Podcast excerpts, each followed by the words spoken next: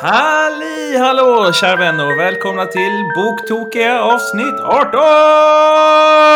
Hej välkomna in till Sveriges enda, hur var det nu, enda riktiga bokpodd. Är det väl vi brukar säga? Ja, du brukar säga det i alla fall. Och det är väl så, säger man någonting tillräckligt många gånger så blir det ju sant. Ja, jag står fast vid det.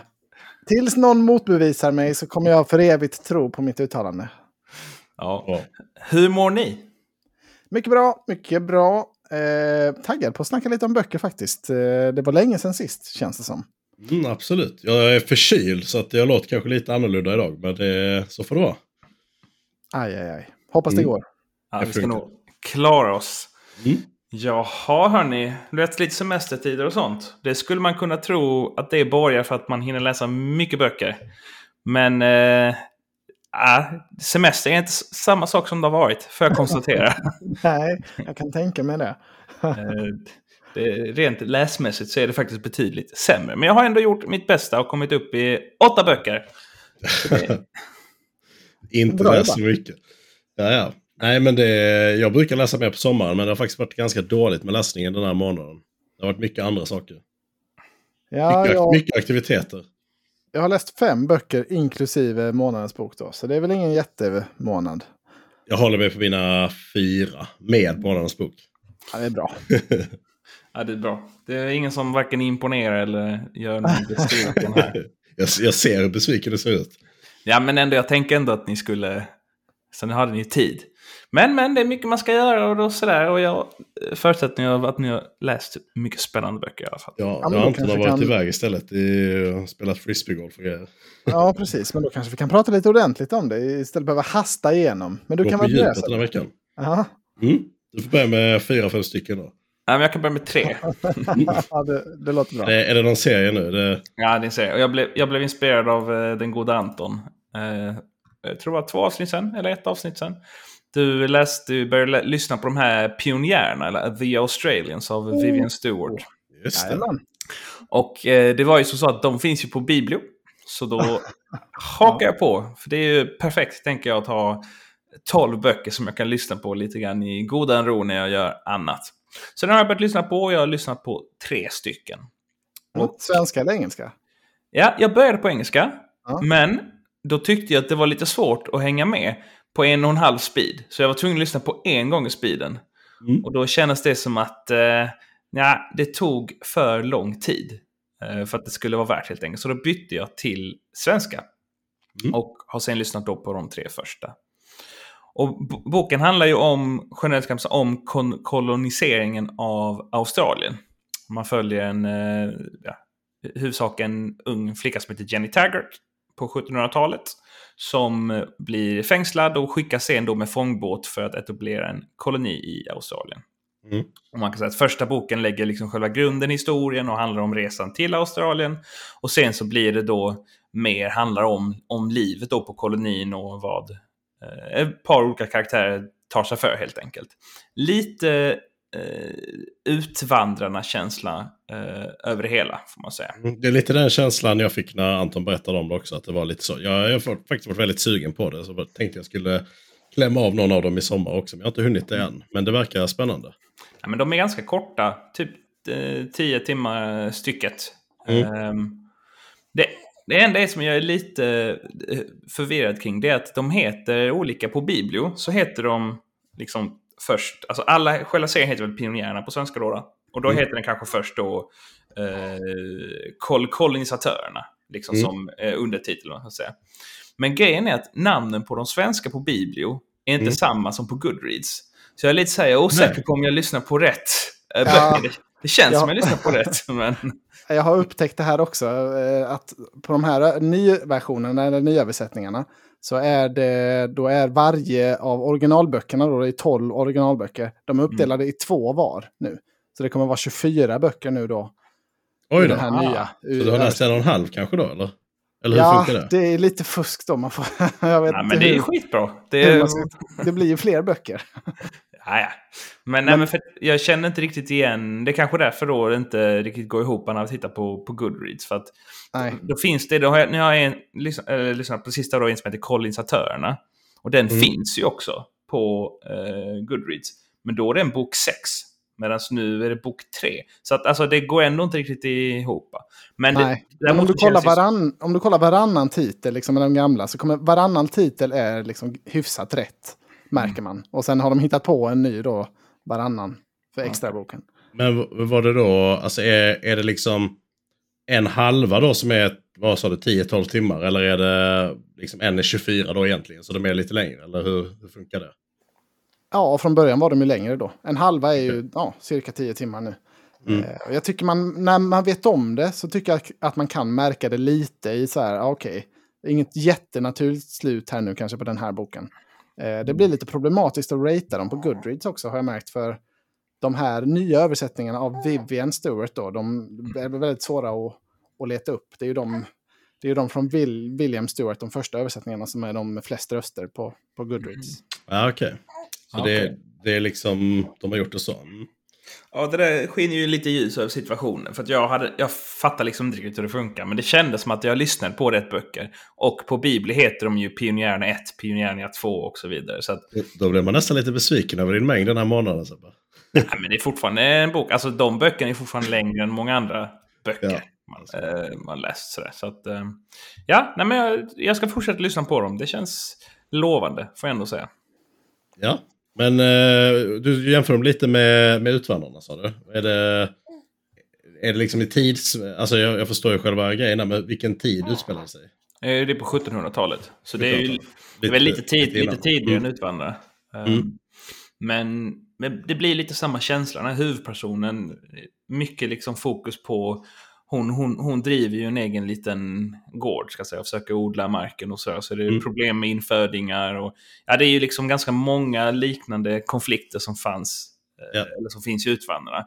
Men det är mer, kanske mer här då att det finns också olika intressen från eh, alltså militären och så här som kommer från eh, från Storbritannien. För det är ju skillnad då mellan Utvandrarna och i Australien. Det att där var det ju ändå alltså kanske, det känns mer som här, alltså kolonialmakten är ju väldigt involverad i allt som händer på då på i kolonierna. Kanske mer än vad man kände i Utvandrarna. Det var mer bara den här familjen liksom som var ja. lite grann... Ja, de, var, de klarade sig själva i princip.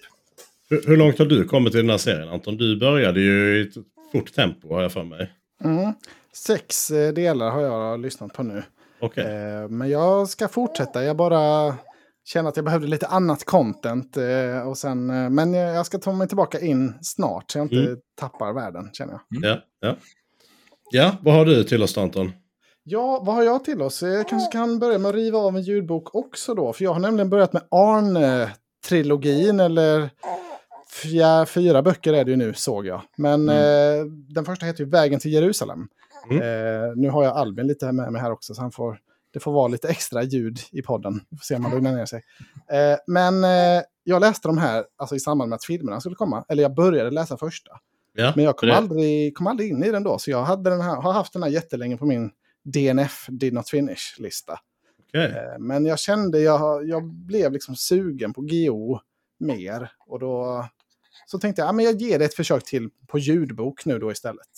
För de brukar ju funka bra på ljudbok. Och eh, vem är det, det som läser? Eh, är det Bolme? Det är Bolme va? Det är Bolme ja. Han läser ju alla ljudböckerna ja. tänkte jag. Så det...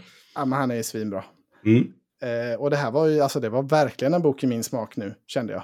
Eh, alltså det är, så här, det är en kompetent hjälte, det brukar jag föredra. Och det är liksom det här med hårt slit och hårt arbete. Det är lite utvandrarna, liksom. Det lönar sig att streta på. Elka religi religionsfigurer ja, också. Det, det är ju ännu, jag har faktiskt läst tvåan också, att inte komma till det. Eh, och det är ännu bättre i tvåan där att alla, alla de kristna är ju vidriga kräk i princip. Det är, det är en av mina favorittropes. jag har ju läst de två första också, men inte den tredje. Men så vi kan, kan, kan, vi läsa tillsammans? Ja, jag har börjat till, uh, lyssna Till nästa den. månad då. Mm. Um, är det den Anton har valt till nästa månad nu? jag är helt inne. Jag fattar inte hur du kunde stanna efter två. Men, uh, du sa att det fanns en fjärde också. Den kommer lite senare, eller är det? Ja, jag tror i alla fall det. Den heter Livet efter Arn. Eh, och den har mycket mindre röster och sådär på Goodreads. Så jag antar att den kom lite senare och att den är liksom... Livet. Ja, ja. Kanske inte riktigt en del av... Jag, jag vet inte, men... Livet sju, 700 år efter Arn med Jan Guillou i huvudet. Precis. Jan Guillou sitter och skriver liksom. Li, livet, efter, livet efter han har skrivit böckerna. Ja, men, han men jag... 1968. jag kommer dra båda de här. Jag är, ja, det är så jävla intressant historiskt. Jag har liksom alltid lite tänkt att tempelriddare, alltså de framställs ofta som lite av en pajasorganisation tycker jag. Lite att så här, ja, ibland är de onda, ibland är de liksom inkompetenta. Här målas de ändå upp som ja, men en, en kraft att räkna med. Eh, mm. Så jag, jag, tycker det är ett intressant perspektiv och det har återigen lett till sådana Wikipedia-djupdykningar. Det älskar mm. jag. Så det, ja, Geo, eh, han, är, han skriver bra alltså. Han känns ju väldigt väl researchad också tyckte jag. Mm. Um, han, han är ju duktig på det. Han Ja, förutom då hans senaste serie som ju är med liksom gnäll och sådär så är det ju ofta ganska väl researchade liksom historiskt förankrade böcker så som han skriver. Så det brukar ju vara intressant. Det brukar ju leda till eh, kul grejer om man googlar lite grann också. Eller Wikipedia söker. Ja, men eh, varm rekommendation. Det är väl de många i Sverige som har läst den här serien redan. Men jag kommer kolla om eh, filmen också har jag tänkt. Eller de har klippt om det till en tv-serie nu med lite mer material. Jag, jag tänkte det. Är det liksom då, följer det liksom en film, en bok? Hur har de gjort dem? Har de klippt ihop allt till?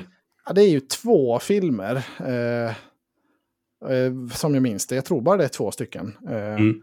Och som jag minns det så är ungefär... Alltså den första filmen är ungefär den första boken, men den andra Andra eh, filmen då är både bok två och bok tre. Eh, så det, den känns lite stressad, den andra filmen, vill jag minnas. Okej. Okay. Ja, men då får jag väl eh, fortsätta.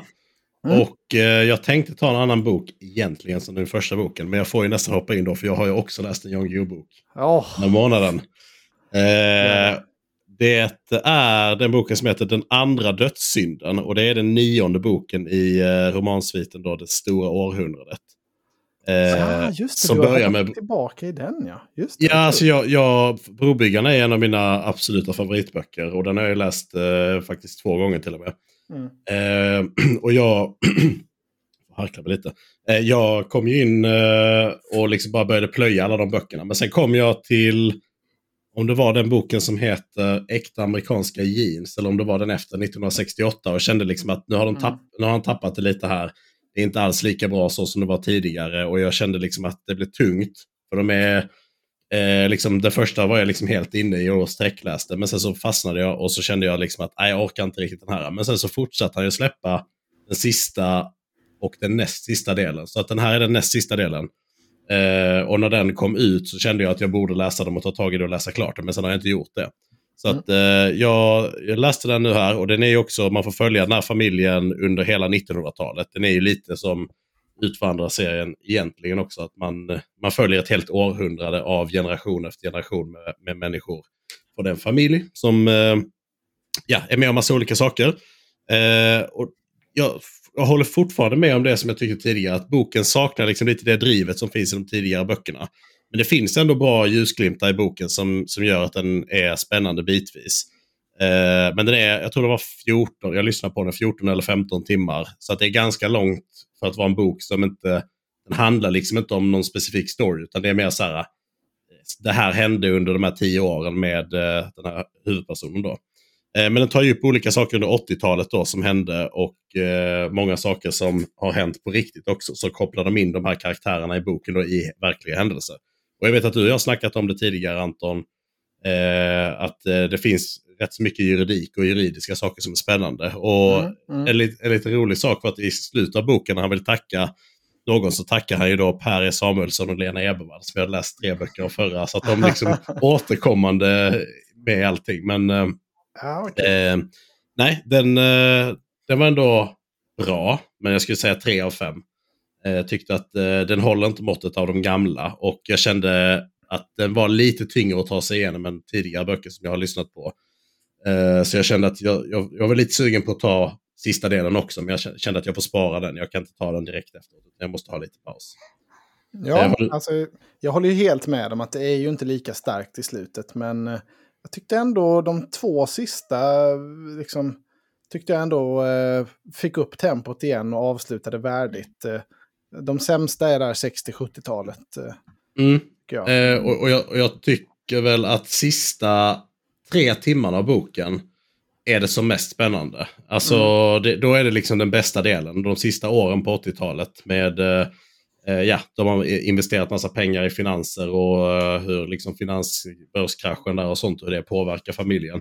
Mm. Eh, men innan dess så är det mest liksom att han är jurist och att han håller på med olika juridikrättsfall som finns och eh, hur han ska ja, göra. Det är ganska så omständigt liksom hur han planerar upp olika försvarsgrejer för olika personer och sånt. Så att eh, sista biten uppskattar jag mest. Jag vet inte, har du läst dem Sebbe så långt eller hur? Jag har läst alla. Ja. Eh, du var, rekommenderade ju den serien för mig. Då trodde mm. jag att du hade läst den. Men, eh, så Besvikelse nu när man vet att man levt, en lögn. Rekommenderade Brobyggarna gjorde jag, men uh, sen hakade på. Ja. Nej, men jag tyckte...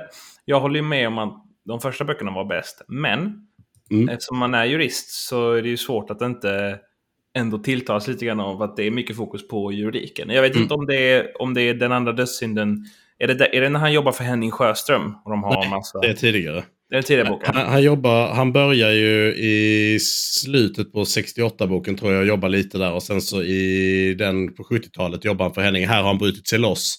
Eh, så att Henning är ju förekommande ganska mycket i boken, men inte som en av huvudpersonerna, utan han nämns mest liksom mm. som det här lärde jag mig när jag jobbade där och så. För jag tyckte det eh, 1968 och det som eh, Döda drömmar sover aldrig. Jag tyckte faktiskt att de var bättre. Jag sa att Anton tyckte mm. tvärtom i hans mm. recension. Men, mm. För det är en av dem, han är i Tyskland va? Han har något case där som jurist. Ja, och... det, är, det är den uh, eh, 70-tals. den som dödar drömmar. Men, men, jag tyckte det var kul. Och det är kul med den här också, just alltså yuppie-eran. Och han har väl någon eh, kusin eller någonting, hon Solveig eller vad det är som mm. gör klipp. Och, ja, ganska kul. Uh, men lite svagare tycker jag. Ja. Och, och inte alls i paritet med de, alltså de första böckerna. Jag tycker den, den första Brobyggarna var den bästa tycker jag. Och sen tycker mm. jag nog fan nästan att Blå Stjärnan eh, mm. var, var den näst bästa när de är i Nazityskland och det fokuserar på Johanne. Eh, eller vem det är. Alltså en, mm. De är väl i Norge, är de väl? Motståndsrörelsen i Norge. Exakt. Den tyckte ja. jag var riktigt bra också. Mm. Ja, den, jag, jag var lite besviken på båda. Jag hade så jävla höga förväntningar på de andra världskriget-böckerna. Jag tyckte inte riktigt om... Mm, nej, men jag håller jag... med dig Anton där också. Jag tycker, jag tycker att andra boken också, den, det är jättebra. Ja, uh, tredje, tyck, första tre mm. tycker jag är... Ja, för, första tre är en liga för sig. Och sen så tycker jag att de som är andra världskriget är liksom snäppet under. Och sen tycker jag att eh, de senare har liksom tappat det lite. Men jag, jag, jag vet inte. Mm. Jag tycker nog att alltså 60, 70, 80-talet, man får nämna dem så, har varit ungefär samma. Ja, eh, ja, men, det... men, det följer ju samma person också, så att de är ju lite mer linjärt i ett, en egen liksom, story. Jag tyckte Dandy tyckte inte jag om så mycket. Men det är för att det fokuserar så mycket på konst och mm. konstvärlden och så här, vilket jag är helt ointresserad av. Ja. Att, eh, Juridik istället. Ja, det är, fint. Och, och dessutom i, när man följer han Erik Letang, alltså juristen, mm. då är mm. också, han är ju, eh, han är ju vänster. Det är mycket, mycket fokus på vänsterrörelsen och så. Det tycker jag är lite intressant. Eh, Sen mm. var det en... massa bögerier och sånt som du inte gillar. Ja, precis. En, en rolig sak dock som hände i boken som var eh, lite kul. Det var ju att han får ju besök på sin juridikgrej av eh, en viss eh, Carl Hamilton. Ja. Eh, som är inne där och vill ha hjälp med lite juridisk rådgivning. Så det är lite crossover där, så det var lite kul. Mm.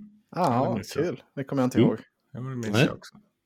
Ja, roligt. Ja, men kul projekt. Det ska bli kul att höra vad du tycker om sista. Ja. Det är ju en eh, det var, det, ja, jävligt imponerande och kul projekt av Geo ändå, tycker jag. Mm, eh, verkligen. Alltså, jag, det hade varit kul om det fanns flera som gjorde detta fast eh, internationellt eller eh, ja, om andra århundraden. Det är väl svårt, det finns väl kanske inte så mycket källmaterial från mm. 1600-talet kanske. Men det är alltid kul med liksom verklighetsbaserade grejer. Indeed, det är en av få, en av få punkter alla tre kan samlas mötas i. ja, absolut. Vi kanske bara ska döpa om den här podden till Geo-podden.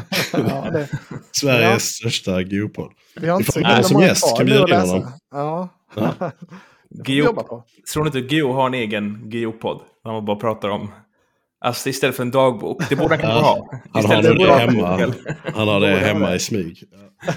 Mm. Sebbe, vad har du mer? Ja, eh, jag har varit inne på Bunkeflo bibliotek. Där oh, min, eh, shoutout.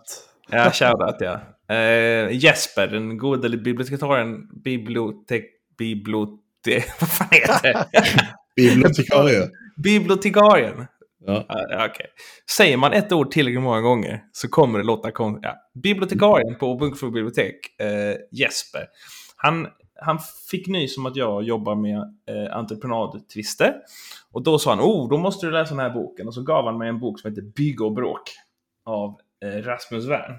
Konflikt, Bygg och bråk, konflikterna som format staden heter den. Och då tänkte jag, nice, äntligen en bra bok om entreprenadtvist. Det finns inte så många sådana. Um, och, så jag var ganska taggad på den. Men tyvärr så visar sig att den handlar inte alls om entreprenadtvister. Den handlar om arkitektur och oh. konflikter inom arkitekturen. Och aj, det aj, aj, aj, är det bästa du vet. ja, men, men, typ. Alltså jag, jag hade liksom förväntat mig så här härliga liksom, redogörelser för liksom härliga stora entreprenader som gått åt skogen och liksom vad mm. hade gått fel och så här. Men så var det inte, utan det var mer liksom generellt som motstående intressen inom arkitekturen och bråk som uppstår inom den branschen. Mm. Eh, han är skriven av en eh, Rasmus Wern. Han är verksam arkitekt och arkitekturhistoriker. Och i den här då så har han dels vissa avsnitt som handlar då lite generellt liksom om arkitektur, arkitektur och olika... Arkitektur. Ja, det är jävla många, många svåra ord här nu. Kolonialisering. Precis, och, eh, och då liksom återkommande konflikter inom arkitekturen. Mm. Men sen har han också vissa små fallstudier. Han skriver lite grann om exempelvis Slussen i Stockholm som är en så här typisk grej där det det har liksom alltid varit bråk om hur ska Slussen utformas och mm. många olika, liksom, de som bor där har vissa intressen och ja men det är som det alltid är när man stadsplanerar, liksom, finns det ju massa olika intressen. Ehm, mm. Um, och Operan i Köpenhamn en annan sån som är lite intressant för det var ju, det är ju en, liksom en offentlig byggnad, ägs av, av det offentliga, men det mm. eh, var ju han Maersk-ägaren som finansierade helt och hållet och som då mm. också hade liksom han som bestämde hur det skulle se ut. Vilket mm. blir alltså, ganska mycket makt hos då en, en enskild person. Så man är, liksom gör någonting som sen ska skänkas till det allmänna. Men då liksom har möjlighet att påverka på ett sätt som då man kan ha synpunkter på. Och alltså... Ja, det var inte riktigt min grej. alltså han, författaren, var han arkitekt eller var han jurist? Eller vilket han är, han, är, han? han är arkitekt. Alltså det är ingen ja. juridik i det hela. Nej, nej, nej. Utan det är mer typ så här, ja, alltså en konflikt exempelvis Alltså man tänker arkitektens eh, liksom så kreativa eh, liksom, eller vilja att göra något stort och bra och sådär. Kontra då egentligen den krassa verkligheten att man har budgetar och liksom tidsbegränsningar och sådär. Där det kändes lite grann som att ja, en, liksom, en grej jag sa var typ att ja, det är viktigt, man kan liksom inte begränsa för mycket med pengar för då då kommer man inte få stor arkitektur. Och så är det. Mm kanske. liksom. Eh, samtidigt som att han är ju arkitekt och jobbar på en arkitektbyrå så det är klart att han har intresse av att man liksom ska få alltså, go wild. Eh, Medan det allmänna kanske har intresse av att inte lägga svin mycket pengar på, på en byggnad. Å andra sidan, ja, då mm. får man kanske inte heller så jättefin arkitektur. Liksom, eller, eh, mycket av det som byggs idag kommer ju kanske i framtiden inte vara sådär jätte intressant, liksom rent arkitekturhistoriskt. Man bygger ju inte lika pampiga byggnader så idag. Eh, som man gjorde förr kanske. Fråga Saudi. Eh, ja, det, det, det, finns ju undantag. Men han nämnde faktiskt Malmö som ett gott exempel där arkitekturen faktiskt eh, man har lagt fokus på. Men det är en lite äldre bok så det handlar ju om... Han Malmö också eller? Tur turning Torch. Nej, jag tror inte det. Jag tror han är stockholmare. Ja. Så, att, eh, så Malmö fick ändå en liten shout-out där för att uh, man tycker att de har gjort bra grejer. Mm, det gillar du.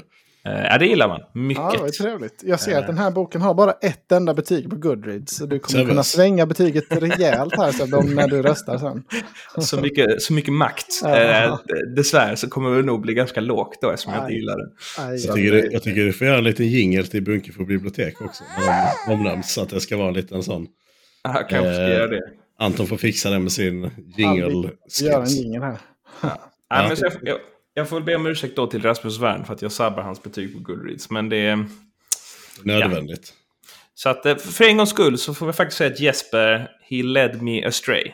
Det är, tyvärr. Ja, men ingen är ofelbar, så är det. Får jag, kan jag få passa på att dela ut en känga också? För jag har ju provat eh, den här tjänsten Audible som du använder.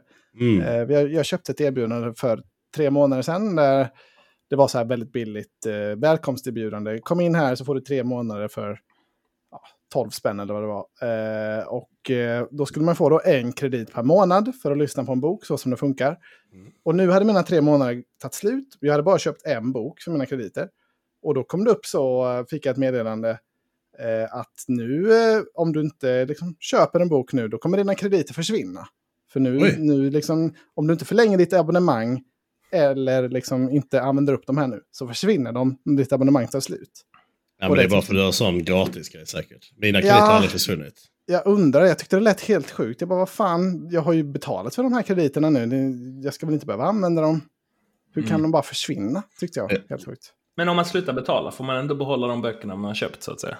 Ja, ja det får man göra. Eh, jag, jag var tvungen att kolla, men jag har googlat upp det och det, det ska man få göra.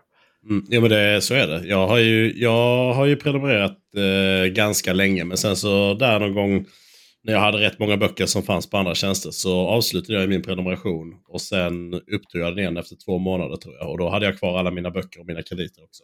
Mm. Eh, så att eh, det funkade för mig. Däremot så eh, nu har jag ju, jag tror jag har fyra eller fem krediter som ligger för jag har bara låtit det rulla nu för att jag vet att jag kommer använda krediterna ändå. Så att då är det lika mm. bra att ha dem. Eh, så att där finns ju verkligen allt. Alltså när, när, när, det inte finns någon annanstans så är det ju där man hittar det. Ja, det finns ju mycket men det är, det är, man får alldeles för lite. Det är ett riktigt skitsystem tycker jag. Det är alldeles för lite med en bok bara.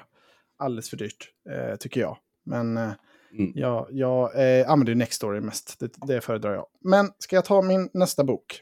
Gärna. Det blir en Geo till. Eventuellt uppsåt. Hans eh, senaste dagboksbok. Just det. Fan, snackade vi inte om det sist? jag tror inte det, eller? Nej, det gjorde kanske inte. Nej, ja, nej men du har, du har pratat om den i alla fall. Du kanske sa att du höll på att läsa den?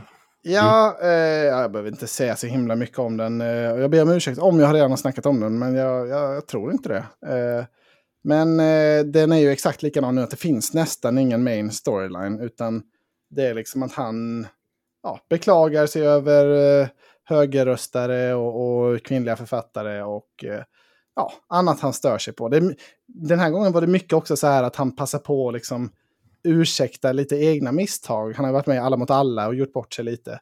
Och liksom då... Pratar om sin penna?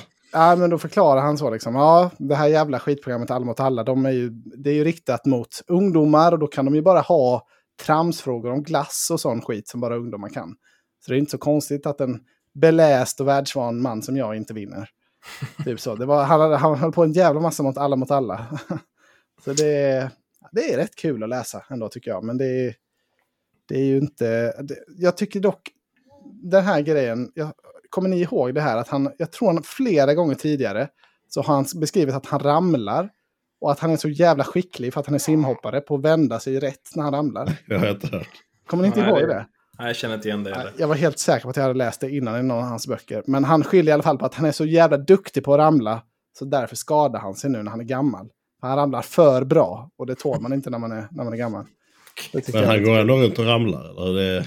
Han går ändå runt och ramlar, ja. Men han gör, det så, han gör det alldeles för bra. Så därför skadar han sig mycket mer än riktiga liksom, gamlingar. Ja, det är, det intressant take. Ja. ja. Han har Nej, men... hög självbild i alla fall. ja, jag, jag, vet att han har någon sån, uh, att han uh, pratar om någon penna, att han har skrivit någon ursäkt. Det är typ enda gången jag har sett honom be, be om ursäkt. Att han trodde att städerskan på Grand Hotel i Lund hade snott hans penna efter studentafton. Han hade köpt någon sån dyr penna och sen så var den borta och sen hittade han den i sin egen väska när han kom hem till Stockholm sen. Och då, då skrev han en artikel ja, i Expressen eller någonting alltså. om att han bad om ursäkt för att han hade beskyllt. För först så skrev han en lång artikel om hur vi kan hata det Grand Hotel i Lund. Att han hade snott hans penna och sen fick han gå ut och be om ursäkt.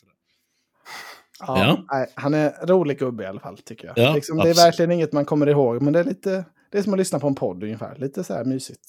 Ja.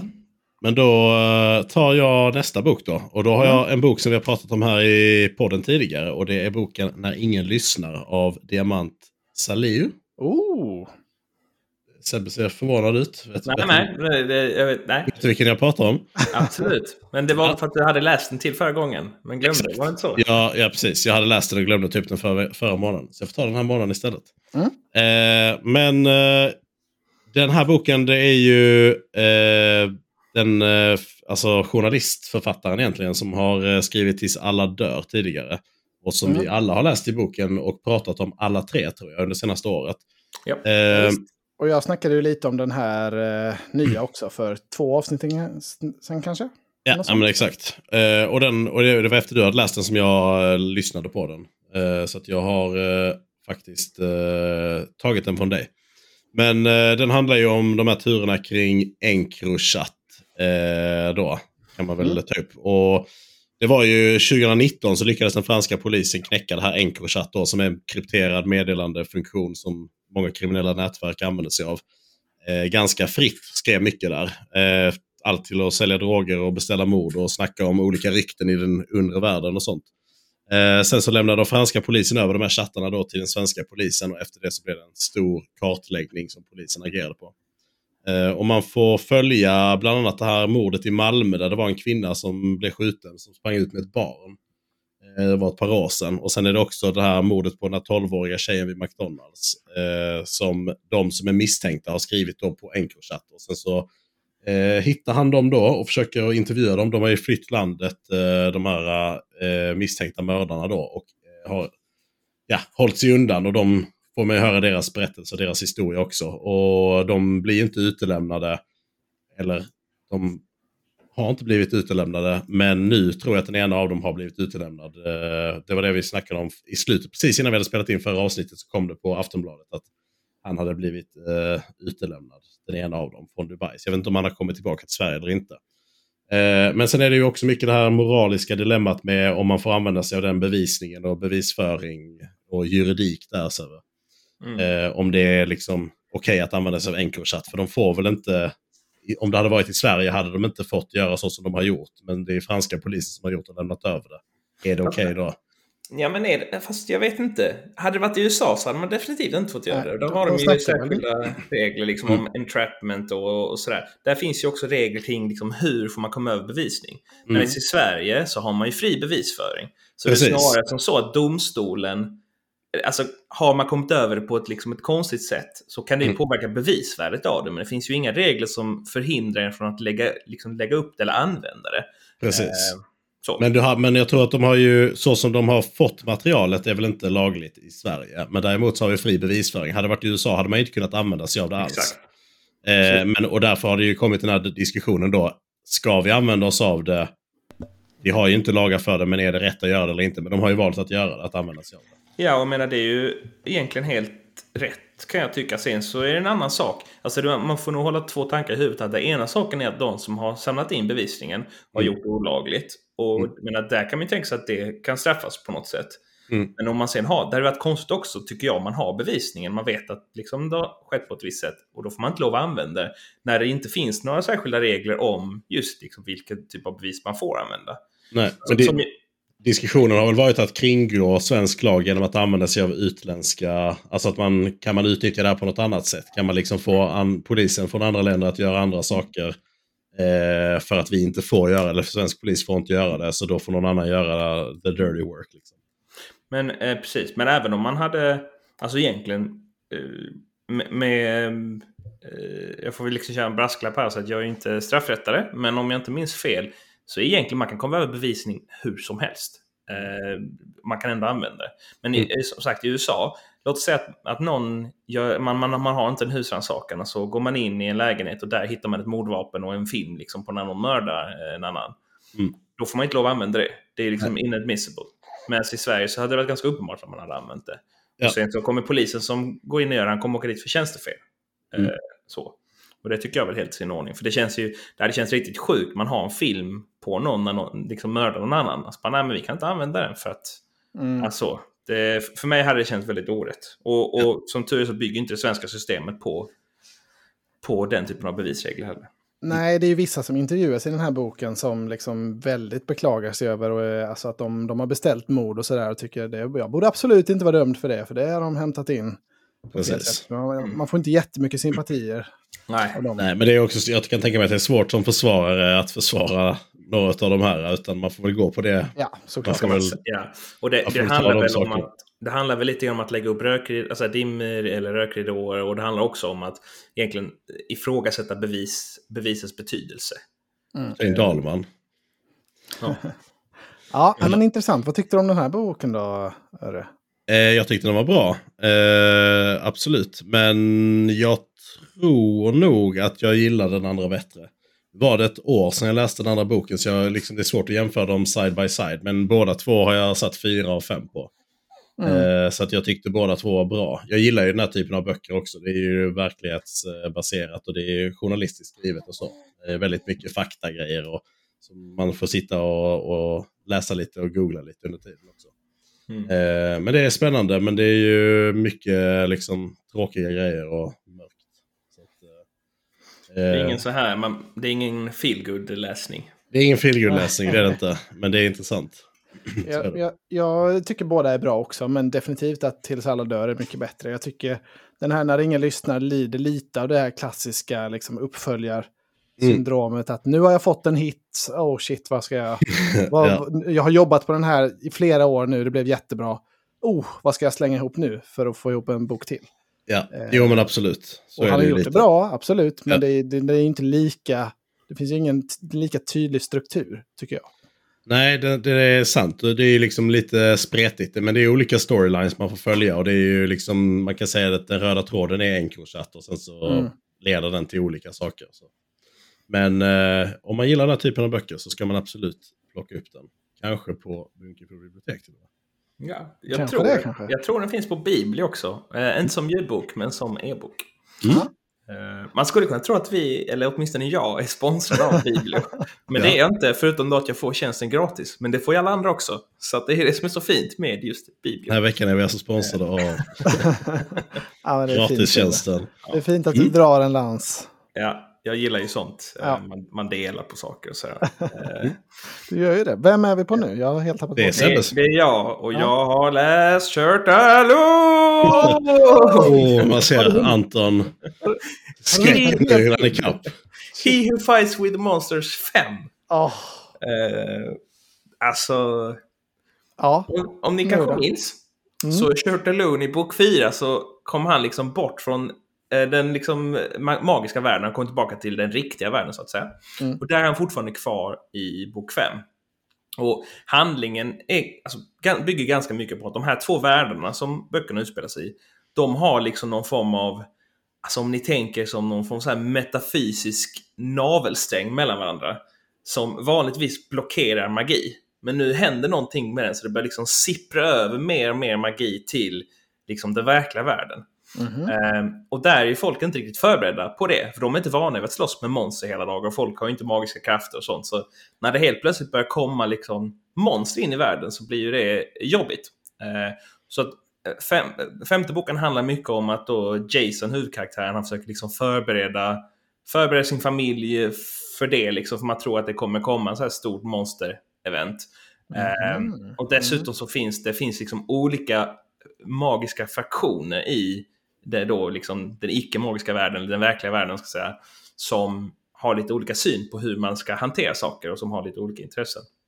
Så det blir liksom en del politik och sånt och, och ganska mycket action. Så att jag tycker den är fortsatt bra. Mm. Men jag börjar sakna den oriktiga världen, eller den magiska ja, världen. Liksom. Att förlägga det... två böcker eh, utanför, det tycker jag det låter jävligt risky. Ja. Men... Och då ska du få veta något sjukt. Har du läst en till? Nej, men det blir åtminstone en bok till som utspelar sig i oh. den eh, världen. Eller delar av den i alla fall. Ja. För att när bok 5 avslutades så var de inte färdiga där. Så oh, det no, no, no. Jag, jag glömde säga det med Audible, men jag panikköpte fjärde boken på, som ljudbok där, för jag var tvungen att använda mina krediter. Eh, men nu har jag lite ångrat mig, för jag, jag vet inte, det är inte riktigt det blir sällan jättebra med ljudbok på fantasy. Se, ser du inte liksom Sebbe, Sebbes energinivå stiger liksom tiofaldigt? det bara lyser i ögonen på när han börjar prata om Shirtaloon. Jo, han, jo, man ser han älskar det. Det är bara för att jag vet att Anton, han har ju ångest för att han har trillat efter. Jo. Jo, Men jo, jo, jag, jag tror inte alls på den här som ljudbok.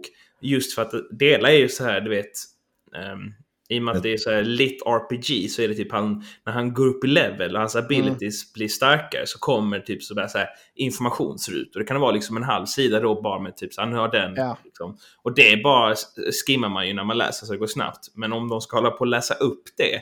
Uff, jag... Nej, jag, jag kände det nästan direkt när jag hade köpt den. Åh oh, nej, det här var det här var en miss. Det, det, ungefär som en gång så köpte jag en sån här, betalade för ett mobilspel. Man kunde köpa en sån här battle pass. Och då mm. kände jag direkt en sekund efter jag hade tryckt på det.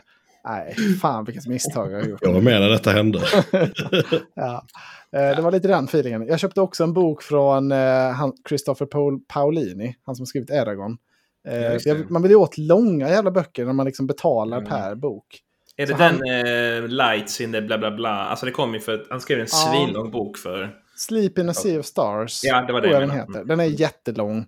Eh, jag, tror, jag vill gärna läsa den. Jag tror inte jag kommer orka läsa den liksom utan ljudbok. Så den tror jag ändå att den kan, den kan jag nog få nytta av någon gång. Mm. Eh, ja, förlåt. Vill du säga något mer om Sherry Loon? Uh, nej, inte, jag vill gärna fortsätta läsa. Men ja. jag är ju liksom i dina händer som du som är min ja, langare. Dra åt den här. Men jag vill också bara säga att i Sherlock i slutet så finns det liksom en länk till han. Han har en, en Discord-kanal. Så oh. typ såhär, kom in om du vill snacka med Kurt Alone. Jag börjar bli... har du varit aktiv. Alltså, nej, jag bör, nej, men jag börjar bli riktigt sugen på att bli det. Det är bara jag måste ha läst alla böckerna. Och sen tror jag fan att vi ska bjuda in honom till podden. Hade inte det varit kul? Vi måste göra det. Kurt Alone hade varit med. Alltså... Då, då tvingas jag ju läsa en i så fall. det, det, är ditt projekt Sebbe. Det hade ja. varit jävligt roligt. Men, men, jag vill först läsa klart serien. Så att jag är liksom i kapp. Ja, då får du jobba på. Uh, ja, det... Ja, absolut. Mm. Shirtaloon! Shirtaloon! Fan vad kul. Om Shirtaloon. Anton? Ja, nu blir det mer fantasy. Eh, för jag har, läst en, jag har läst den senaste TikTok-sensationen. Eh, den som har fullständigt tagit över Goodreads och trendat etta i princip hela året. Det är en fantasybok som heter Fourth Wing av Rebecca Jaros. Eller Jaros. Eh, hon är lite av en eh, alltså romance-författare sen tidigare. Jag har inte läst något av henne innan. Men nu har hon skrivit då en, ja, men vad ska man säga, young adult fantasy. Ganska så Hunger Games-inspirerat. Eh, men med drakar kan man säga. Eh, som eh, såklart har lite kärlekstrianglar, lite sådär, lite Sarah J. Maas-inspirerad. Och den har ju exploderat då. Alla, alla älskar den här. Den har otroligt höga betyg. Den eh, ja, den, man ser den överallt. Och eh, jag kunde såklart inte hålla mig från att läsa den. Och jag, jag, alltså jag tycker den har en helt otrolig inledning. Det är det här klassiska, liksom, det finns en drakskola då där man lär sig att bli drakridare. Eh, och hela boken handlar om att hon ska, en, en ung tjej då, som vill gå på den här skolan och bli drakridare. Och det är liksom ingenting nytt direkt, utan man, man känner direkt, okej, okay, okay, här kommer liksom den snälla pojken som hon är kär i, tror hon. Och sen, oh, det är en bad boy där borta som, hatar, som hon hatar. Och kan man gissa vad det tar vägen. Liksom. Det, det, det är verkligen inte så att man blir blown away på något sätt. Och så är det en fantasyvärld som är väldigt, alltså, väldigt simpelt uppbyggd. I princip att ja, vi är ett drakrike här i mitten och så runt omkring oss så finns det on, ett ont rike som rider på Griff, Griffon, vad är det på, på svenska? Griffon, jag vet inte. Oh, det är... Mm, det är Grip. Grip. Grip, ja. Precis. Hälften örn, hälften uh, lejon, eller vad det är. Mm. Eh, Borde du kunna ja. Sebbe. Så de... Uh, va? I Malmös... Uh... Ja, ja, ja, ja, men det ja, tog ju bara tag och ja. synapserna och Han hade det på tungan.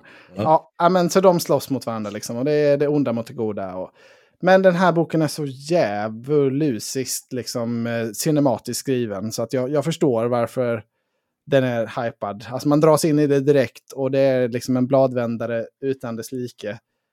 Eh, jag älskar ju den här Red Rising, den har ju du lä också läst Sebbe. Eh, också... Jag har blivit tvingad att läsa den. Ja, du var inte lika stort fan av men du, du gillar ju inte fantasy så mycket. Har men du läst den? Här... Ja. Shit vad sjukt. Ja, okej. Okay. Ja, jag såg, vi kan återkomma till det. Ja. ja. Men det är liksom det här, hon börjar på skolan och sen så är det liksom en power, power up. Liksom, och eh, det är så jävla fett bara egentligen genom hela boken. Jag tyckte den var svinbra.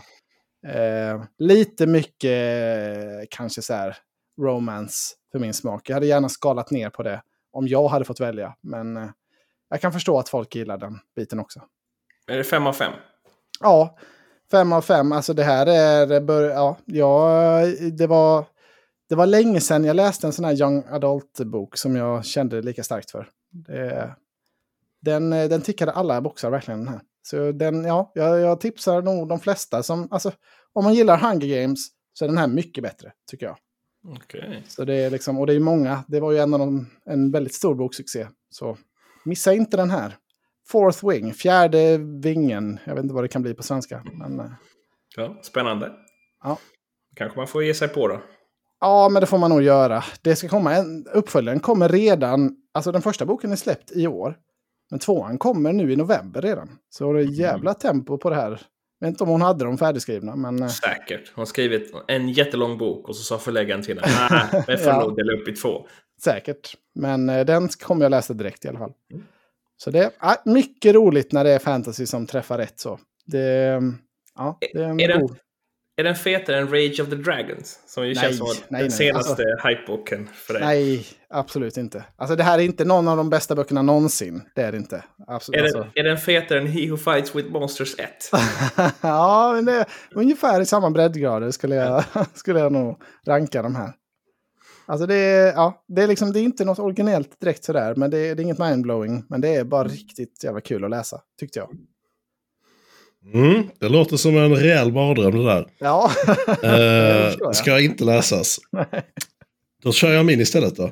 Mm. Raka motsatsen. Eh, jag har läst boken A Spy Amongst Friends. Oh, nice. Den finns ju som en tv-serie på Simor har du ju tipsat om. Absolut. Jag tittade på serien före jag läste boken. Oj, det är en eh, dödssynd tycker jag. Det... Ja, men jag visste ju inte att det fanns en bok. Utan jag, jag såg serien och tyckte den var bra, började läsa på. Och sen så såg jag att det var baserat på en bok. Och så tänkte jag att jag vill läsa boken också. Mm. Eh, och den, det är en bok som har blivit till en serie. Och eh, den handlar om en, eh, en brittisk man som heter Kim Philby som var spion åt Sovjet. Samtidigt som han hade ledande roll för MI6. Egentligen så var det fem stycken spioner som kallas för The Cambridge Five. Som är fem stycken eh, välbärgade pojkar som går på Cambridge från fina eh, bakgrunder och sen träffas de på Cambridge och eh, blir eh, typ radikaliserade, om man vill kalla det för, av en av professorerna där som var övertygad kommunist. Eh, och sen så är detta på 30-talet, i början av 30-talet och då håller Hitler på att ta makten i Tyskland och de pratar ju väldigt mycket om det i kretsarna på Cambridge om vad, vilka hot han kan eh, tänkas ha och sånt. Mm. Och de här killarna då, de vill ju besegra Hitler och eh, tror inte på kapitalismen utan de eh, tror mer på att eh, man måste ha det kommunistiska tankesättet om man ska kunna besegra en sån fiende. Så de eh, blir vända spioner, eller så här, de kont blir kontaktade av eh, Sovjet via kompisar och, då och så. Och sen så börjar de spionera då för eh, Sovjet och sen eh, så tar kriget slut och eh, då blir ju Sovjet fienden istället och då är de liksom lite fast i det här träsket.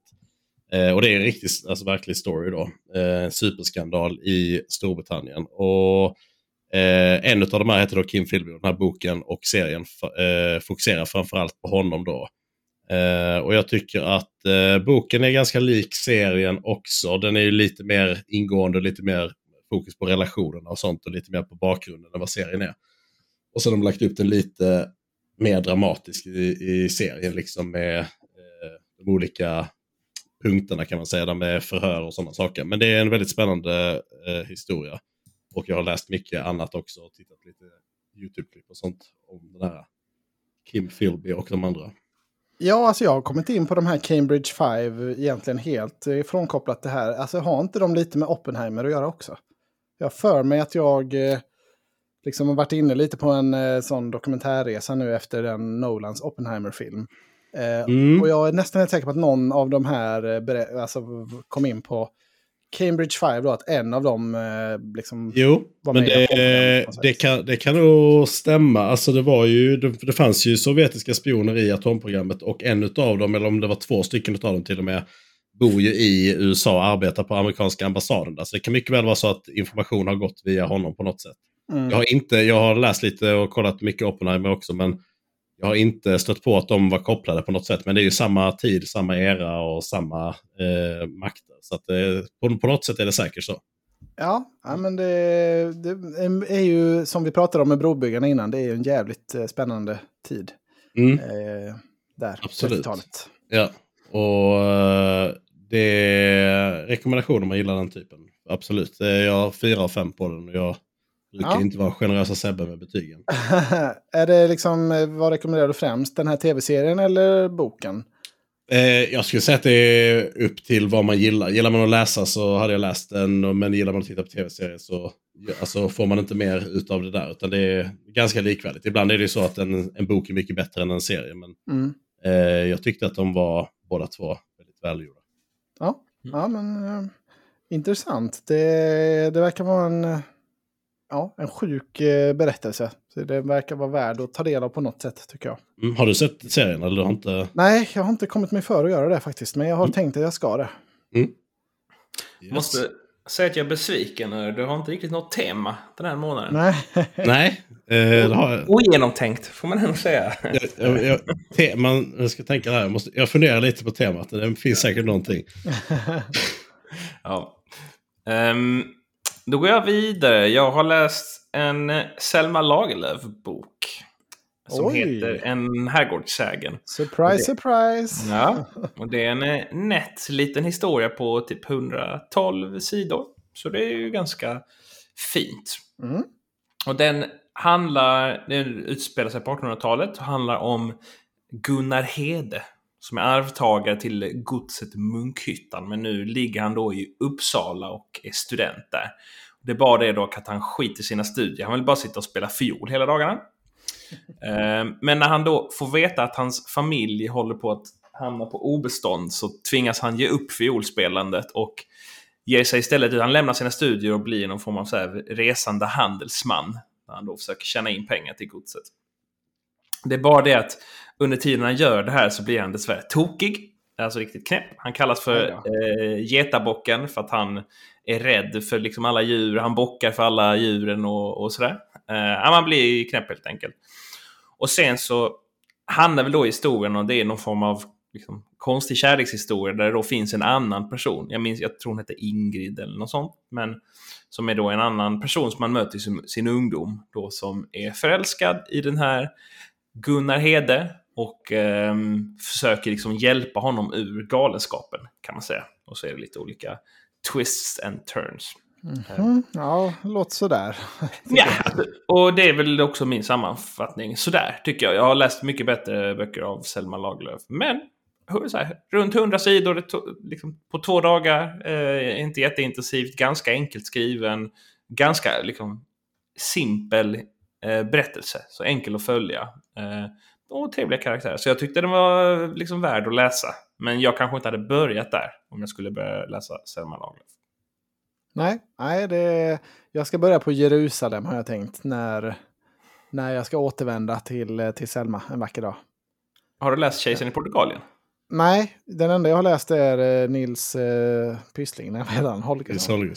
Men läs Kejsaren i Portugalien istället. Den är också mm. kort. Den är också mm. typ 130 sidor eller någonting. Jerusalem är i två böcker och är typ 450 sidor sammanlagt. Ja, så det känns ju som en... Jag tycker de ja. låter mer spännande. Men eh, okej. Okay. Ja, Han är inne på eh. tempelriddare nu. Ja, det är sig ja. sant. Ja, på så sätt så är det ju intressant. Men mm. eh, ja, det får jag vad du vill. Men eh, min rekommendation är att du inte gör så som du har tänkt. Nej, vi får se. jag, har ett, eh, jag har ett tema till dig Sebbe. Ja. Oh. Surveillance. okay. Ja, ja. En, en kursat och sen i Jan så är det mycket övervakning på honom också för han är kommuniströrelsen eller Palestinarörelsen. Och sen så spionerna här också. Där har du det. Ja, ja det är lite men... krystat men det, det håller. Ja. Jag har inga fler böcker. Eh, har du någon mer? Annars... Nej, jag har uh, kört mina. Ja, Sebbe får uh, fortsätta. Sebbe får fortsätta. Ja, då kan jag köra min sista då. då. Mm. Och det är eh, nummer sju, eller del sju i Dresden Files-serien som heter Deadbeat. Och det är då Jim Butcher. Och det är den här serien som jag pratat om ett par gånger. Ja, eh, du kämpar på. Urban Fantasy-serie som handlar om en trollkarl som heter Harry i Chicago. Som är typ trollkarl slash private detective. Eh, de går runt och gör lite uppdrag. Lite så här Buffy the Vampire Slayer-känsla eh, över hela mm. universet tycker jag. Det är lite, lite änglar och demoner och så kommer det lite... Ja. Och i den här boken så blir då huvudpersonen blir utpressad av en vampyr. Bara en sån sak.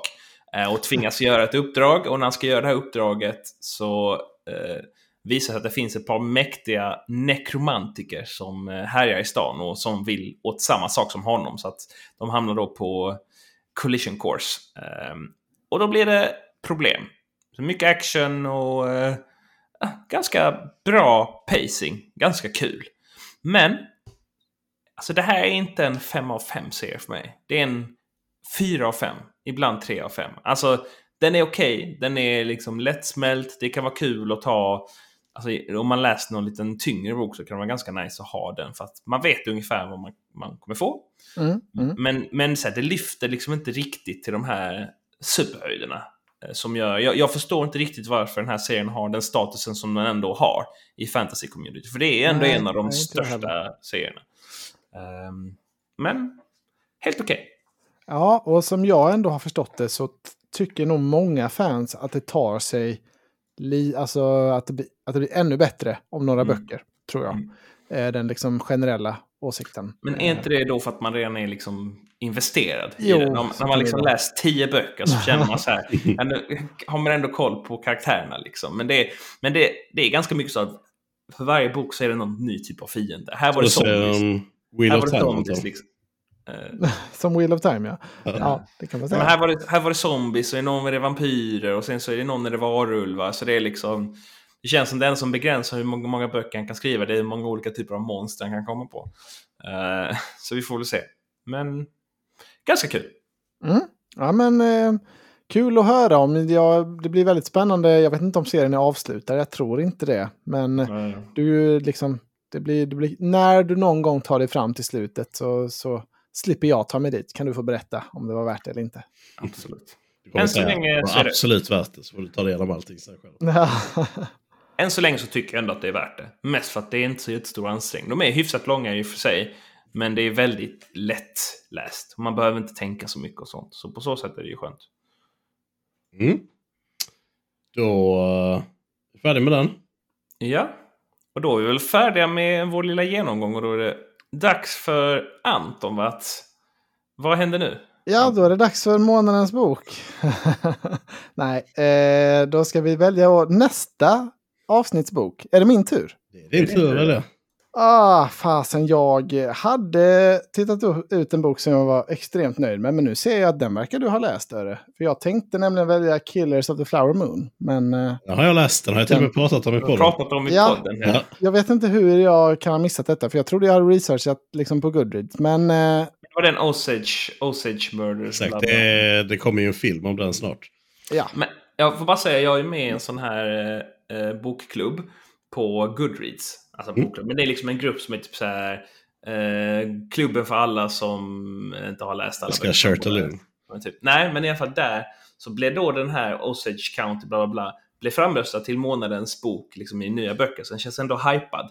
Så att där får man mm. säga att du var en föregångare, Örre. Vilket jag aldrig trodde jag skulle säga eftersom jag alltid läst så konstiga böcker. Men, eh, så kudos till dig. Scorsese släpper ju sin nya film i oktober. Som är ja, baserat är... på den här boken med Leonardo DiCaprio i huvudrollen. Så att jag ja, okay. ja, läste ju den här direkt när jag fick höra att den skulle komma ut. Men, ja, väldigt, men väldigt svagt Anton att du inte minns att jag snackat om den boken. Nej, det, jag, jag, vet, alltså jag vet inte hur, hur jag kan... Jag tyckte verkligen jag hade gått igenom... Eh, men, men skitsamma, jag har massa reserver här. Eh, det kommer bli en av mina favoritförfattare då. Eh, som eh, jag vet, jo Sebbe kanske att du har läst någon bok. Jag tror eh, att den här kan gå hem hos er båda. Det är ingen fantasy, utan det är en historisk... Eh, ja, men jag hoppas att det är liksom en historisk, eh, liksom lite actionroman eller vad man ska kalla det. Den heter Waterloo, The True Story of Four Days, Three Armies and Three Battles. Eh, och det är av då min favorit Bernard Cornwell. Eh, mest känd för The Last Kingdom, Vikingaserien. Mm eh, vet jag har inte riktigt researchat den här så mycket, men jag antar att den handlar om Waterloo-slaget. Eh, jag har läst en bok tidigare som handlar om eh, Acing Court, eller Aging Court, det slaget av Bernard Cornwell, som jag tyckte var skitbra bok. Så jag tror han kan presentera det här liksom både intressant eh, men väldigt blodigt och actionfyllt också då, förhoppningsvis. Mm. Eh. Står det att den handlar om Abbas vinst i ja. ja, men Nej, det, men det, det låter spännande. Ja, den är inte superny. 2014 tror jag den kom. Men ehm, ja, jag har läst mycket av Bernard och eh, det ska vara kul att se om, ja, om det går hem hos er. Mm. Non-fiction också, ja. Mm. Ja, den är ju lite aktuell. Även den här då är ju en film på gång. Napoleon-filmen, storfilmen. Yes. Så mm, den, jag, hopp, jag har förhoppningar på denna. Liten koppling också till Örres bok eh, som ju handlar lite om det här också. Greven Monte Cristo. Där fick man ju en försmak. Mm, av, lite Napoleon där också. Ja, ja, av Nappe. Så att, eh, ja, kul. Då får vi väl... Eh, det blir intressant att se. Ja, vi får se om Bunkeflo Strand kan leverera den boken till dig. Jag har faktiskt börjat köpa böckerna vi läser nu. Så att jag tänker som ett litet minne av den härliga tiden vi har här tillsammans. Ja, vad roligt. Att, det blir väl att klicka hem den. Jag har ju läst eh, typ de två eller tre första i den här eh, bokserien som du gillar, den här vikingabok. Mm, jag är eh, väldigt eh, nedslagen över att du hatar dem så mycket. Jag, gillar inte dem. Alltså, jag hatar, de är, de är bara... Alltså, när jag lyssnade på dem sist så mm. fick jag lite känslan att det var lite väl liksom... Ja, men det är som att äta liksom prinskorvar och makaroner. Det är helt okej. Okay, liksom, man, man får ju näring. Men efter ett tag så blir man lite så här, jag behöver liksom lite mer... Inte jättemycket näring. nej, men man dör liksom inte. Kan, man kan få skörbjugg och sådär. Men jag behövde lite mer krydda och då tyckte jag inte att de gav det. Det är liksom väldigt enkel eh, vikinga. Eh, mm. Ja. Det är 13 böcker, jag älskar allihop de vikingaböckerna. Men det, det, smaken är olika, så är det. Mm. Hoppas att den här Waterloo kan gå hem. Ja, det hoppas jag också. Mm. Kul! Bra, då Sebbe får du berätta.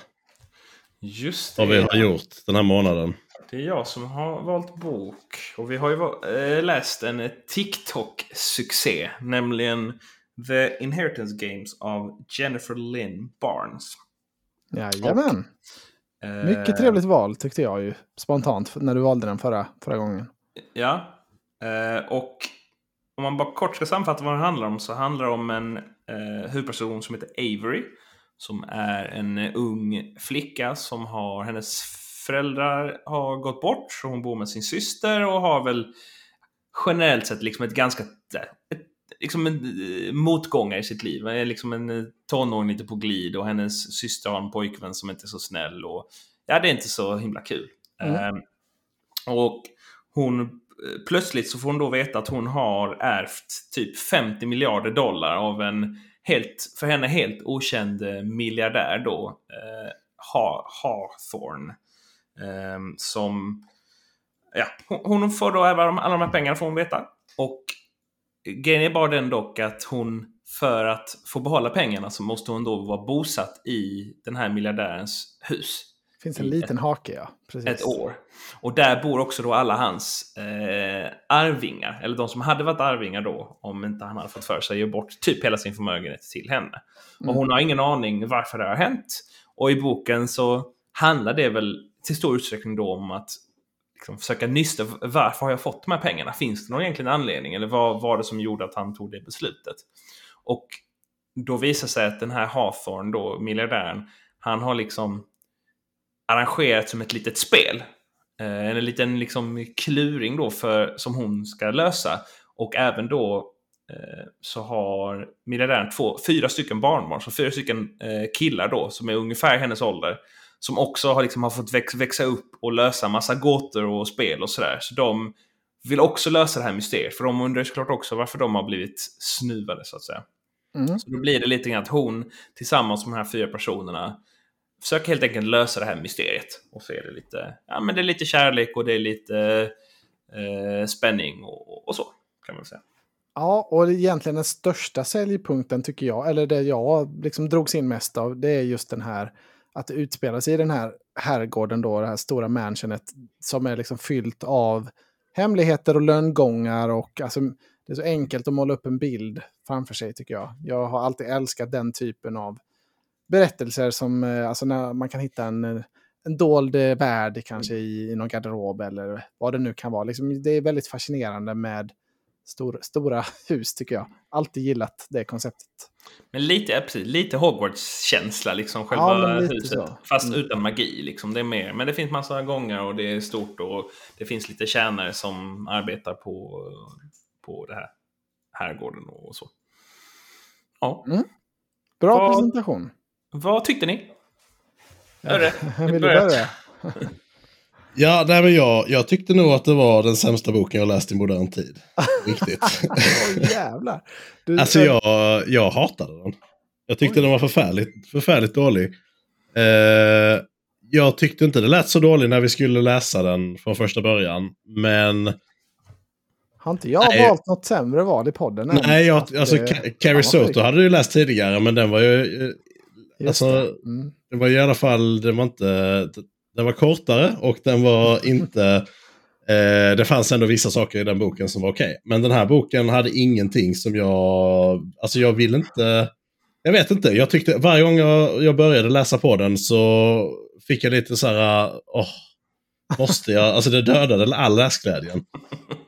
Eh, jag tyckte, jag vet inte, jag, jag, bara, jag ville bara ta mig igenom den och kände bara så här, nu får det liksom hända någonting här. Och det kändes som att det hände ingenting och när det väl började hända lite så var det bara massa typ så eh, fjantiga kärleks, eh, typ så, åh ska jag välja honom eller ska jag välja honom eller eh, typ så, nu mm. kysstes vi lite här och nu var det lite hemligt. Alltså jag bara kände så här, det är lite mycket TikTok Kom kom igen nu. nu, får det hända någonting här. Ja. Och sen eh, gillade jag inte att det var en serie heller. Så att eh, om man nu liksom vill ha conclusion på hela grejen då, för det, det stora grejen är ju eh, varför har hon fått ärva de här pengarna eller varför just hon och så vidare. Eh, och det får man inte heller reda på i boken utan det är ju en serie så man får ju läsa tre böcker till eller vad det är. För att eh, få reda på vad som har eh, hänt. utan det, det liksom lite mer mm. så här öppet slut. Det var liksom, ja, jag vet inte. Jag, jag bara kände liksom att... Man får väl en hyfsad closure ändå, tyckte jag. Jag har nämligen gått vidare. Jag håller inte alls med och jag har läst hela tvåan och är inne på tredje boken nu. Eh, Oj. Så jag var betydligt mer positivt inställd till det här. Ja. Men, jag gick eh, in på Wikipedia och bara sökte så jag vet hur det slutar.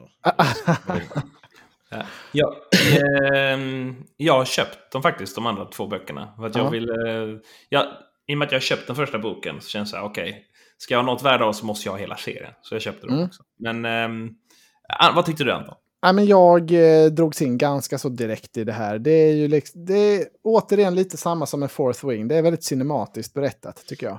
Det är jätteenkelt att leva sig in i den här världen. Eh, lite mycket triangeldrama och sånt. Absolut, det håller jag med om. Men jag, tyck jag tyckte det var spännande hela tiden. Jag tyckte det var en snygg ja, jag vet inte, nu är vi väl inne på spoilersegmentet här. Jag tyckte mm. de liksom peggade upp det här med att hon acear liksom ett kemiprov i början. Eller vad det var, något typ av prov. Mm. Och de lägger upp det lite som en red herring tycker jag. Att ah, okej, okay, är det något, är han ett supergenius? Har det något med det att göra? Eh, så jag liksom var, tyckte det var intressant hela vägen att följa. Ja, har hon någon koppling eller liksom varför har hon fått de här pengarna? Eh, och vem är ute efter henne? Liksom, jag tyckte det var ett intressant mysterium också. Ja, jag var, ja, det var en jätteenkelt att, att liksom bläddra sig igenom den här, tyckte jag. Mm. Uh, och jag har ju läst dem på telefonen, tycker de, alltså verkligen, jag vet inte hur de hade gjort sig som ljudbok, men uh, jag tycker de, ja, de är väldigt, väldigt lättlästa. Alltså. Jag tyckte inte det var så bra språkligt heller, ska tilläggas. Nej, alltså det är ju klassisk liksom, ungdoms... Eh, ja, det, är, det är young adult liksom. Man ja. kan inte ha några egentligen särskilda förväntningar tycker jag på språket. Alltså, ja, men jag har haft ganska höga förväntningar på dina bokval tidigare. jo, jo, absolut. Men det här, det här valde jag ju för att tillfredsställa Anton med. Ja, och, ja, men, och för att också fungera lite grann som motvikt till ditt val. Ja. jag, vet inte när, jag, eller jag skulle inte säga att den här boken representerar liksom min boksmak. Så. Mm. Um, däremot så tyckte jag att jag tyckte ändå att premissen lät ganska intressant. Och, får jag säga, för jag tyckte också om den.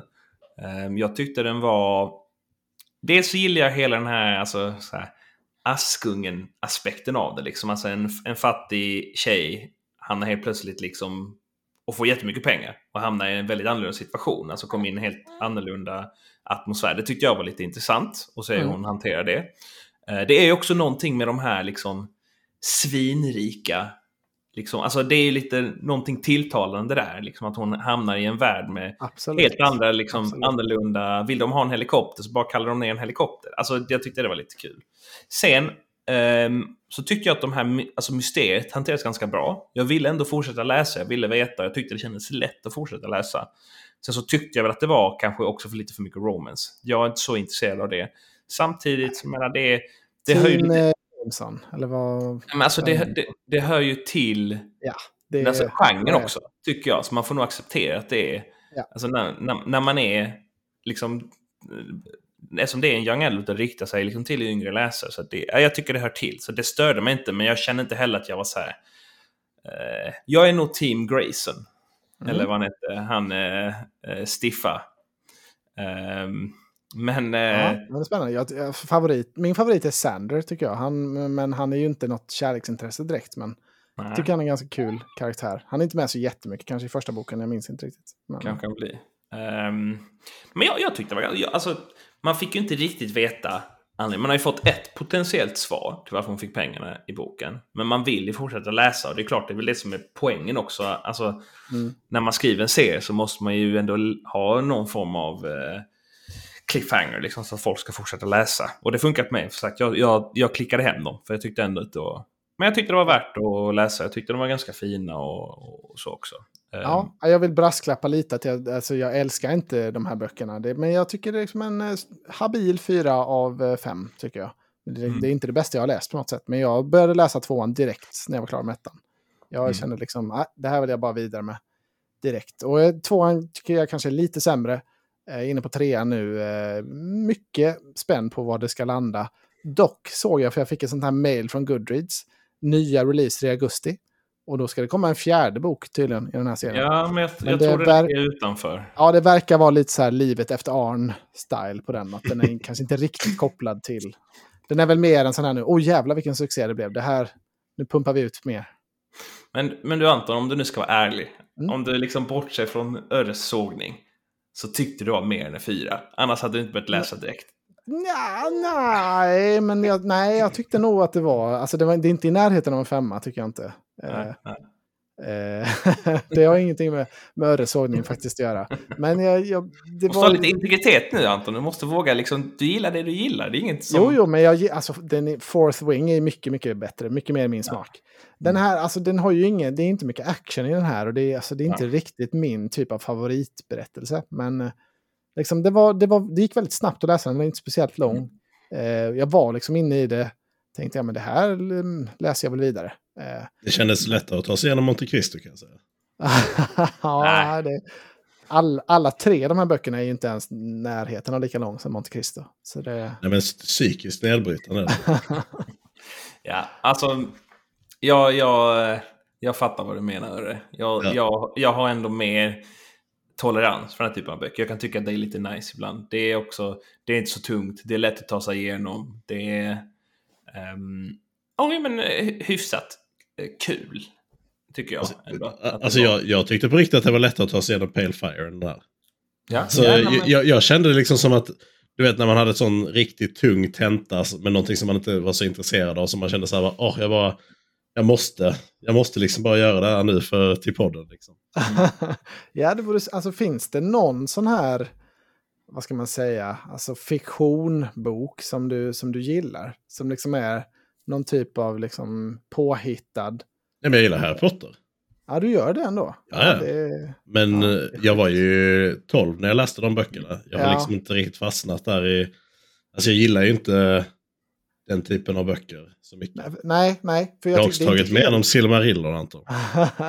jag, ty jag, tycker inte det här är liksom helt en annan värld än Harry Potter. Alltså, nej, men det, det handlar inte så mycket om... Det, alltså, det handlar inte så mycket om att det är fantasy och, och, fiction och sånt. Utan det handlar ju mest om att det finns ingenting som intresserar mig.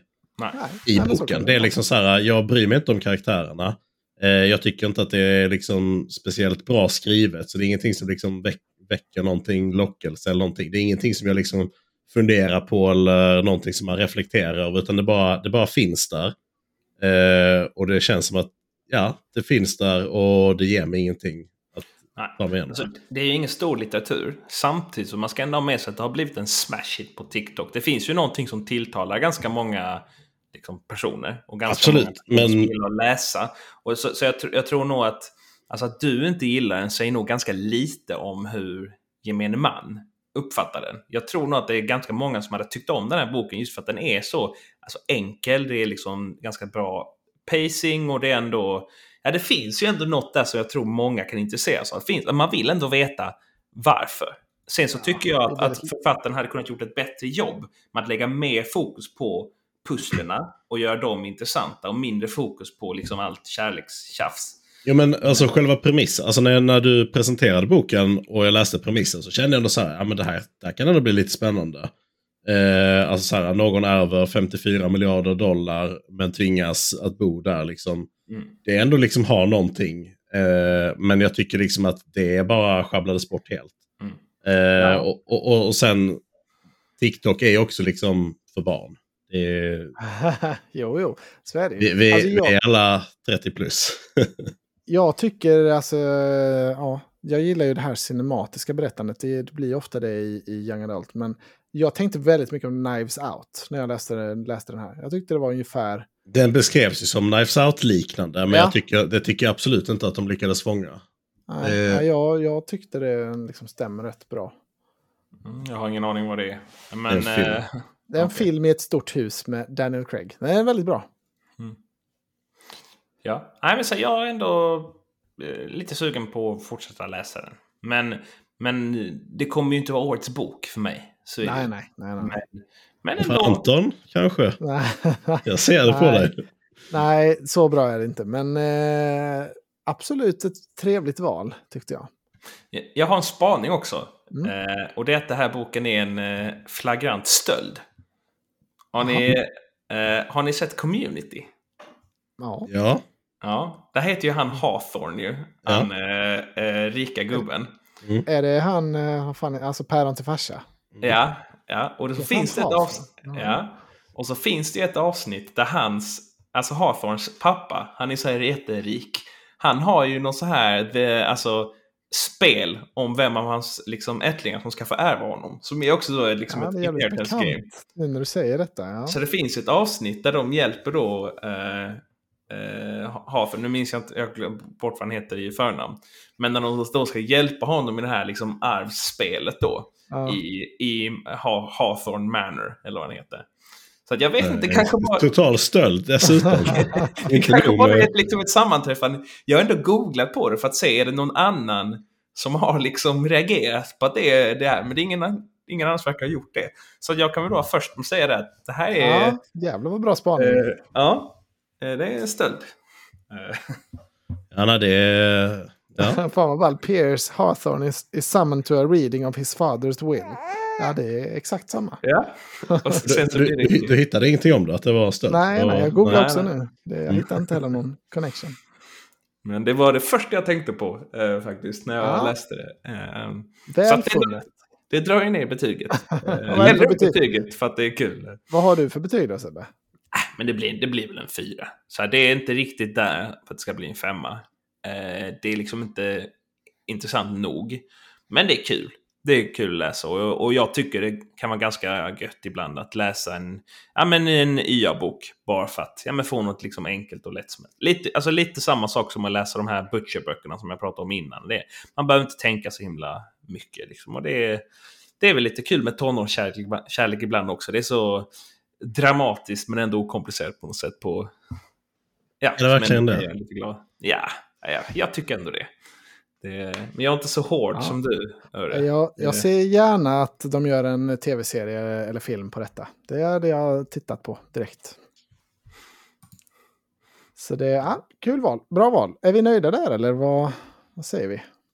Ja, eh. det, jag har ingenting mer i alla fall eh, bokväg. Nej, Nej, inte jag heller egentligen.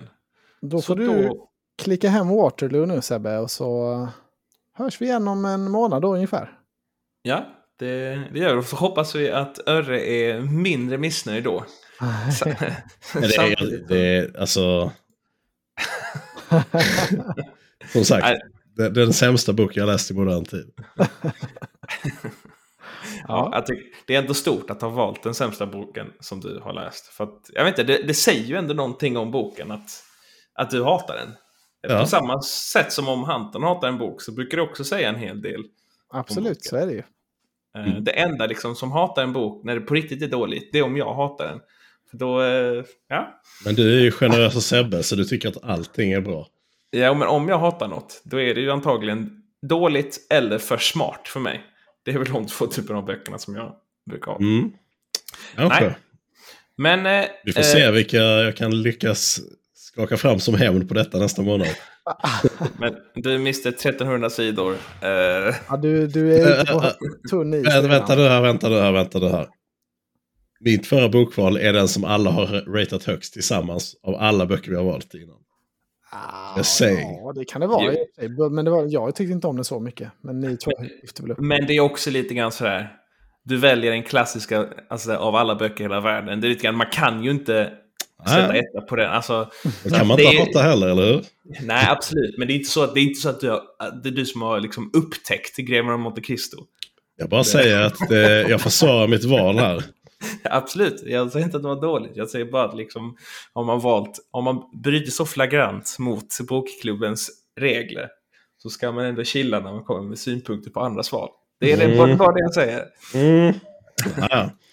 ja, men vi eh, hörs om en månad allihopa.